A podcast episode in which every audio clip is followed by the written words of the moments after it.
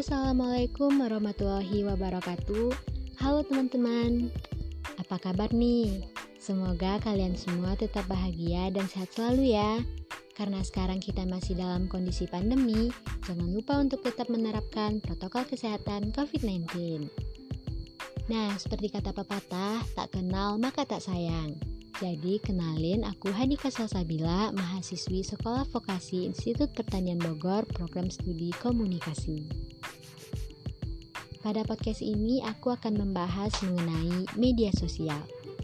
Jadi, kemarin aku telah melakukan wawancara dengan narasumberku yaitu Khairul Rahmat Ilahi. Dia adalah mahasiswa dari Universitas Negeri Padang. Dan sekarang aku ingin mengulas hasil dari wawancara tersebut. Oke, kita langsung saja. Teman-teman semua pasti tahu dong apa itu media sosial. Ya, media sosial merupakan media untuk berinteraksi secara online. Menurut Khairul, media sosial adalah media interaksi online yang tidak dibatasi oleh ruang dan waktu. Jadi, kita bisa mengakses media sosial kapan pun dan di mana pun. Apa saja sih media-media sosial itu? Media-media sosial itu seperti Instagram, Facebook, Line, Twitter, WhatsApp, YouTube, dan masih banyak lagi. Nah, kalian tahu nggak sih berapa jumlah pengguna media sosial di dunia ini?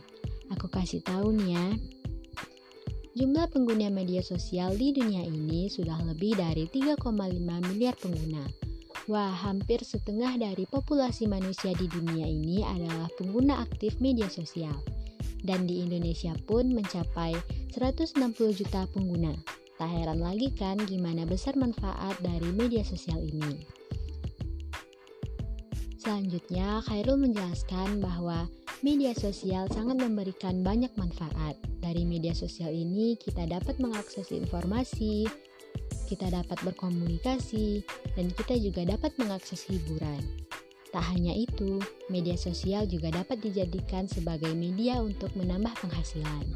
Biasanya, pengguna media sosial yang menjadikan media sosial untuk menambah penghasilan disebut dengan influencer, seperti YouTuber, selebgram, blogger, ataupun seorang figur yang dianggap penting atau berpengaruh kepada pengguna lainnya. Mereka mendapat penghasilan melalui konten-konten mereka. Konten-konten tersebut seperti cover lagu, kegiatan yang dilakukan sehari-hari, ataupun kegiatan-kegiatan lainnya. Nah, bagi teman-teman nih yang memiliki banyak followers, bisa dimanfaatkan tuh media sosialnya. Dengan konten-konten tersebut, kalian dapat menyalurkan hobi serta mendapatkan penghasilan. Selain itu, media sosial juga dapat dijadikan sebagai media jual beli online. Jual beli online ini sangat bermanfaat bagi kita yang tidak ingin keluar rumah atau kita yang malas untuk keluar rumah. Dan kita dapat memilih belanjaan yang sesuai dengan keinginan kita dari rumah hanya dengan menggunakan handphone saja. Dan barang-barang tersebut juga diantar sampai ke alamat kita. Kita bisa memilih pakaian, memilih tas, ataupun memilih sepatu. Atau kita bisa memilih banyak hal di toko-toko online tersebut. Apalagi pada saat pandemi sekarang ini, kita takut dong pergi keluar rumah untuk belanja, berada di kerumunan orang yang kita tidak tahu apakah mereka sehat atau tidak, atau bisa jadi mereka carrier pembawa virus atau penyakit. Nah, dengan adanya toko-toko online ini sangat membantu kita dalam berbelanja. Dan bagi teman-teman yang memiliki jiwa dagang atau jiwa usaha, boleh tuh dicoba mempromosikan dagangannya melalui media sosial. Kalian dapat menjual dagangan kalian hanya dari rumah saja bagi yang tidak memiliki toko, dan prosesnya pun cukup mudah.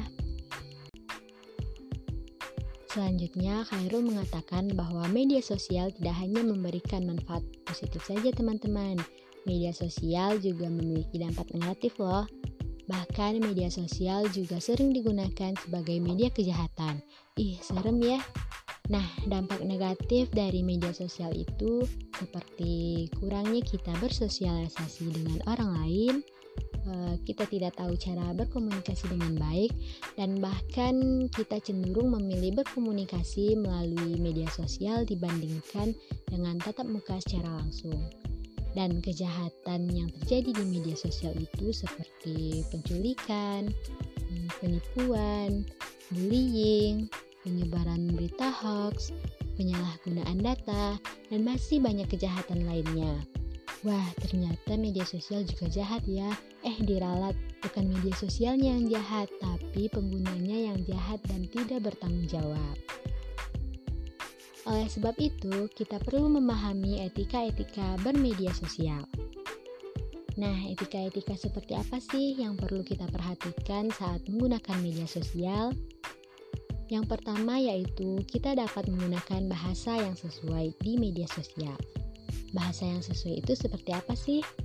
Bahasa yang sesuai itu yaitu bahasa yang baik dan benar, seperti menggunakan bahasa yang sopan dan layak pada saat berinteraksi dengan siapa pun sehingga tidak menimbulkan kesalahpahaman. Yang kedua yaitu memberikan informasi dengan referensi yang jelas dan informasi tersebut adalah informasi yang fakta.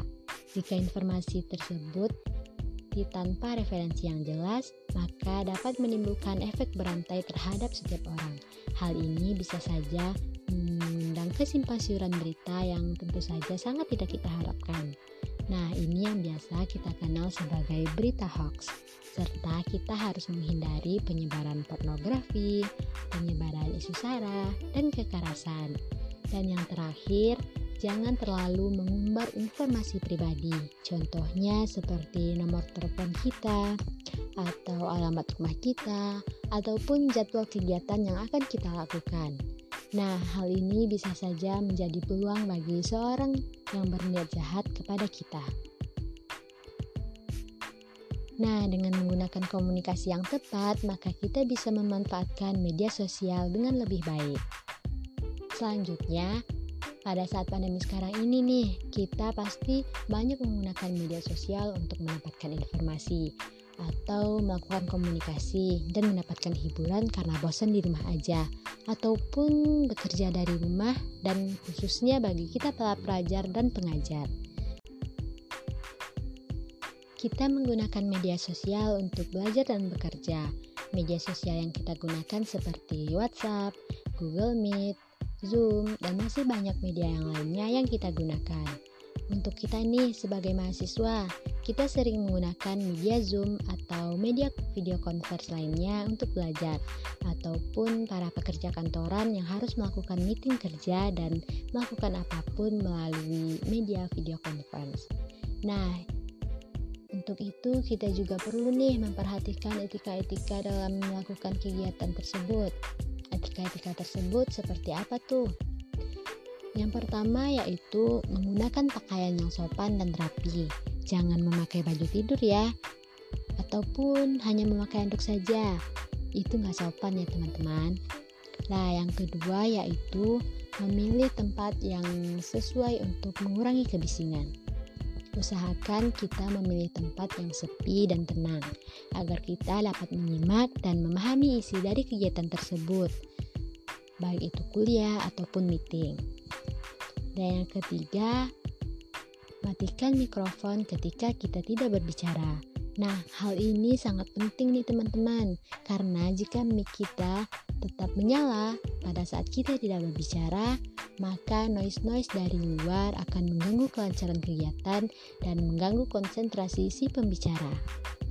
Dan yang keempat, kita harus fokus dan perhatikan isi dari kegiatan, baik itu kuliah, webinar, ataupun meeting kerja, kita harus fokus dan pahami isi dari kegiatan tersebut.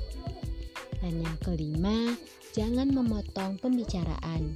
Hal ini bisa saja menimbulkan ketidaknyamanan pada saat kegiatan berlangsung. Dan ajukanlah pertanyaan atau tanggapan setelah pembicara selesai berbicara. Dan yang terakhir, jangan terlambat mengikuti kegiatan. Walaupun kegiatan dilakukan secara online, kita harus tetap disiplin waktu karena waktu itu sangat berharga.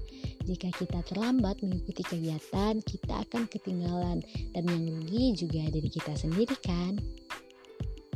Jadi, memperhatikan etika tersebut menjadikan kita lebih disiplin dan dapat menggunakan media sosial dengan baik.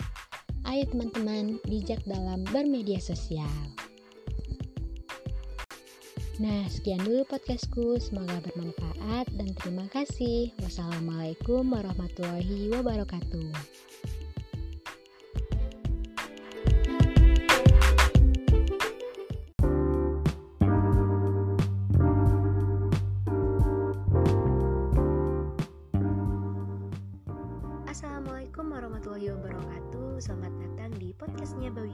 Bersama aku Hanika Salsabila Yang akan memberikan informasi kepada kalian semua. Sebelumnya apa kabar nih sahabat pendengar? Semoga kalian semua tetap bahagia dan sehat selalu ya. Dan jangan lupa untuk tetap patuhin protokol kesehatan COVID-19 Karena kesehatan itu yang utama Dan bahagia itu adalah segala-galanya. Nah pada podcast kali ini aku akan menjelaskan dan memberikan informasi mengenai eksploitasi terhadap anak. Sebelum kita lanjut membahas eksploitasi terhadap anak, kita kenalin dulu nih, apa itu anak? Nah, menurut Undang-Undang Nomor 35 Tahun 2014, anak adalah seseorang yang belum berusia 18 tahun dan termasuk anak yang masih dalam kandungan. Nah, itulah yang disebut dengan anak. Anak sebagai tunas muda penerus cita-cita perjuangan bangsa memiliki peran strategis yang mempunyai ciri-ciri dan sifat yang khusus yang menjamin kelangsungan eksistensi bangsa dan negara pada masa yang akan datang agar setiap anak generasi muda mampu memikul tugas dan tanggung jawabnya di kemudian hari. Nah, itulah sedikit penjelasan mengenai anak. Nah, sekarang kita lanjut pada pembahasan mengenai eksploitasi terhadap anak. Nah, menurut Undang-Undang Republik Indonesia Nomor 23 Tahun 2002 Pasal 13 Ayat 1 huruf B tentang perlindungan anak menyebutkan tentang perlakuan eksploitasi merupakan tindakan atau perbuatan yang memperalat, memanfaatkan, atau memeras anak untuk memperoleh keuntungan pribadi, keluarga, ataupun golongan. Dan menurut pasal 13 Undang-Undang Nomor 23 Tahun 2002 menyatakan setiap anak yang dalam pengasuhan orang tua atau wali maupun pihak lainnya yang bertanggung jawab atas pengasuhannya dan berhak mendapatkan perlindungan. Nah, apa saja sih hak-hak dari anak itu? Hak yang pertama yaitu hak untuk hidup. Nah, hak untuk hidup ini yaitu memperoleh akses dan pelayanan kesehatan serta menikmati hidup yang memenuhi standar yang layak seperti makanannya, mendapatkan air yang bersih, dan mendapatkan tempat tinggal yang layak, aman, serta nyaman. Dan anak juga berhak nama dan juga kewarganegaraan. Nah, hak yang kedua yaitu hak untuk bertambah dan Nah, hak yang kedua yaitu hak untuk bertumbuh dan berkembang dengan memperoleh kesempatan mengembangkan potensinya semaksimal mungkin. Dan seseorang anak berhak untuk bermain, berekreasi, dan beristirahat yang cukup. Nah, hak yang ketiga yaitu hak untuk berpartisipasi untuk menyatakan pendapat atau pandangan maupun ide-ide terutama tentang masalah yang berkaitan dengan dirinya sendiri. Nah, hak yang keempat yaitu hak untuk dilindungi dalam berbagai hal seperti eksploitasi ekonomi dan seksual, kekerasan terhadap fisik maupun psikologis, dan segala macam bentuk diskriminasi. Nah, hak yang terakhir yaitu hak untuk mendapatkan pendidikan yang harus direalisasikan oleh setiap orang tua, yaitu setiap anak berhak dan wajib mengikuti pendidikan dan wajib belajar 9 tahun. Seseorang anak yang berprestasi dan unggul wajib diberikan kesempatan untuk mendapatkan akses memperoleh pendidikan khusus dan yang terakhir seseorang anak dalam lingkungan persekolahan wajib dilindungi dari tindak kekerasan oleh pihak guru atau pihak pengelola sekolah maupun dari sesama murid. Nah, seperti isu atau berita-berita yang sering kita dengar saat ini, anak-anak pada saat ini sudah kurang mendapatkan perhatian dari orang tuanya, sehingga berdampak buruk pada masa depannya karena anak-anak tidak mengetahui tentang hak yang mereka miliki.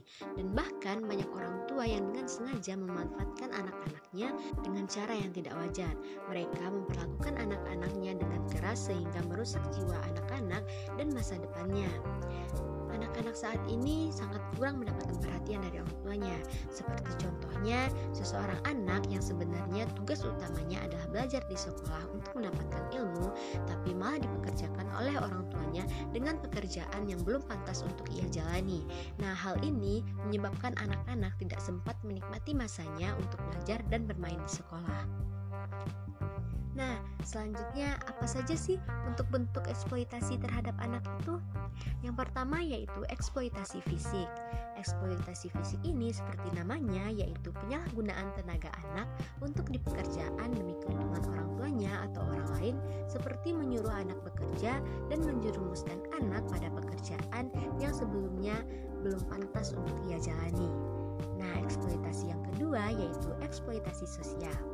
Eksploitasi sosial ini adalah segala bentuk penyalahgunaan ketidakmampuan seorang anak yang dapat menyebabkan terhambatnya perkembangan emosional anak, seperti menggunakan kata-kata yang kasar dan tidak nyaman kepada anak, menakut-nakuti anak, melakukan penghinaan terhadap anak, dan berperilaku negatif kepada anak.